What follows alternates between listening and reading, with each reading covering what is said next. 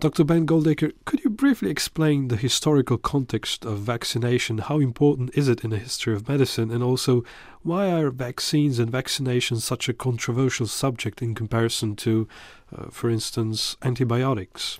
Well, vaccines go back for many centuries, and what's interesting is that anti vaccination campaigns also go back for many centuries.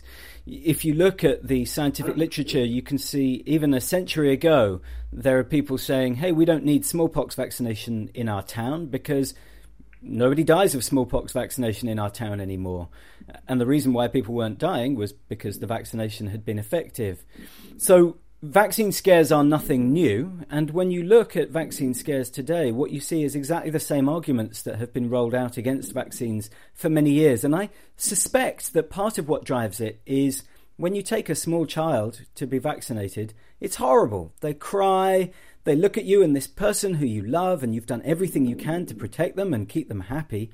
For the first time ever, you've taken them somewhere where somebody's put a huge big needle in their arm and it's made them cry and they look at you with this imploring, desperate expression on their face. And that, I think, is one of the most important reasons why people don't like vaccination. It has been suggested uh, several times and still is that vaccines cause autism. Is it correct to assume that most, if not all, of these claims have origin in one very famous and faulty research, that of Andrew Wakefield? What does medicine know today about the relation between autism and vaccines. It also took Lancet quite some years to fully retract uh, the article. Well, the failure to retract the paper in a timely fashion tells us a lot about the flaws in the way that we conduct science and the way that we report science. First of all, it was a weak paper to start with. Even if it hadn't been fraudulent, it still was the weakest kind of scientific research you can do on a question like this. It only looked at 12 children, it wasn't a systematic sample.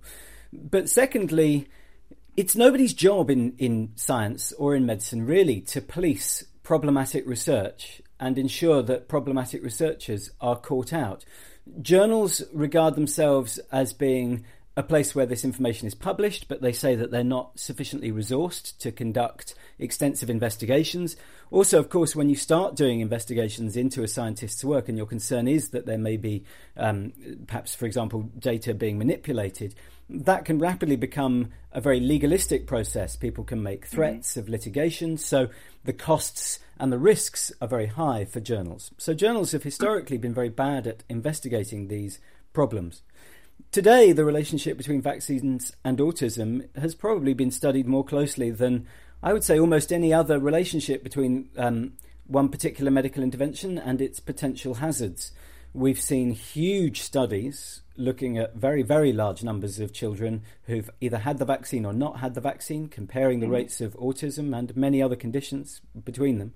And we found consistently that there's no relationship between the MMR vaccine and autism. Mm-hmm. What's interesting is is that the scare stories about vaccines and autism haven't changed in response to that new scientific evidence. I see. And what does the British legislation say about vaccination? In Slovenia, all children must be vaccinated against measles, mumps, polio, if I state just a few and the most obvious. Is this also the case in the UK? What is the best approach, in your opinion, Dr. Goldacre? I mean, should parents have the right not to have their children vaccinated? There's no compulsory vaccination in the UK, and I feel uncomfortable about compulsory medical treatment of any nature. I, I think it's it's unfortunate and sad if people choose not to have their children vaccinated. I think it puts their child and also other children at risk. But um, I think the the cost to the public reputation of, of the medical profession of having compulsory vaccination is too high. Uh, I, I simply don't think it's worth it. There are people in society who will seek to do harm or who are reckless about the harm that they do when they're pursuing their own peculiar agendas and campaigns. And sometimes I think we have to accept that those very destructive people can do harm. They can, in some cases, kill people through their own acts. Now, hmm. in my view, the anti vaccination campaign is one example of a community that have exposed people to avoidable harm. But I don't think that the law is the right way to manage that. I think we manage that by having a serious conversation, insofar as anti vaccination campaigners are able to engage in a serious conversation. And I think we manage that by engaging with the public and talking about concerns. But we have to accept that sometimes very antisocial people get their way, and that's an unfortunate reality. But the cost of policing them is too high. It's the same thing with antisocial behaviour on the streets. Uh, you know, we we could um, we, we, we could police all kinds of antisocial behaviour in society. It would be practical to do so. We would be locking up people who are slightly unpleasant, but the cost would be that we'd be living in a very intolerant society, and I don't think that we'd want that overall. I see. And you're also a critic of pharmaceutical industry. In your latest book, Bad Pharma, you describe that pharmaceuticals have always been hiding data on drug efficiency. I'm thinking this might be a legitimate criticism for vaccines too. So, is there a reason to believe that trials on vaccines fall into the same category? Well, it's certainly very true that drug companies routinely and legally withhold the results of clinical trials on their treatments from doctors, researchers, and patients. So that's a very serious problem. And that has a serious impact on the reputation, not just of the pharmaceutical industry, but also the medical profession. It exposes us to avoidable harm. It exposes the medical profession to, to I think, um, derision uh, and justified by outsiders. it's it's it's it's a it's a real problem. You know, we, we do undermine our own reputation by in mm. by accepting problems like that. And and I think the way to fix those problems is to stop not just drug companies but but all researchers from being allowed to withhold the results mm. of clinical trials. Now, there's a separate question which is does that mean perhaps that important information has been withheld on vaccines? Now, on that, I would say, firstly, why would you choose vaccines above all other treatments in medicine? All other treatments in medicine suffer from this same problem of trial results being withheld. So, still, there is something very peculiar about the anti vaccine campaign that they are preoccupied uniquely with vaccines. Mm-hmm. Secondly, I think that because of the huge amount of observational research that has been done looking at hundreds of thousands of children who've had the vaccine and hundreds of thousands of children to, who haven't had the vaccine to see if there's any difference in the rates of autism. I think, given the sheer scale of those enormous public studies, it's very unlikely that there is a relationship between vaccines and autism which we've missed.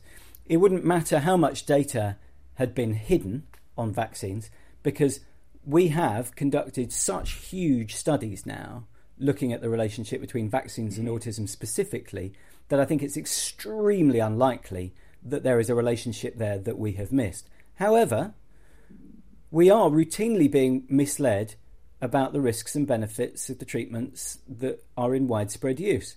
Now, to be absolutely clear what I mean there, I think it's very uncommon that there are treatments on the market which do more harm than good. I think that's very rare. It does happen occasionally, but it's very rare. What is common is that we're misled about the relative benefits of treatments. We don't know which is the best of the currently available treatments. And that is no small thing. If there's one treatment that will save six lives out of 100 people over 10 years, and another treatment that will save eight lives out of 100 over 10 years, and they both cost the same, then we need to know all of the evidence because we want everybody to be on the most effective treatment at the same cost. Because otherwise, we are sacrificing lives unnecessarily. So, those kinds of inefficiencies in the way that medicine operates, they're not just abstract, interesting, scientific, academic problems. They have a real cost in the real world of flesh and blood and suffering and pain. And I think it's only our collective failure as a profession to really communicate that numbers on a page translate into real world outcomes. I think it's our failure to do that, our failure to feel that in our belly, that has allowed these problems to persist for so long. Well, Dr. Ben Goldacre, thank you very much for your answers. Thanks. Bye. Goodbye.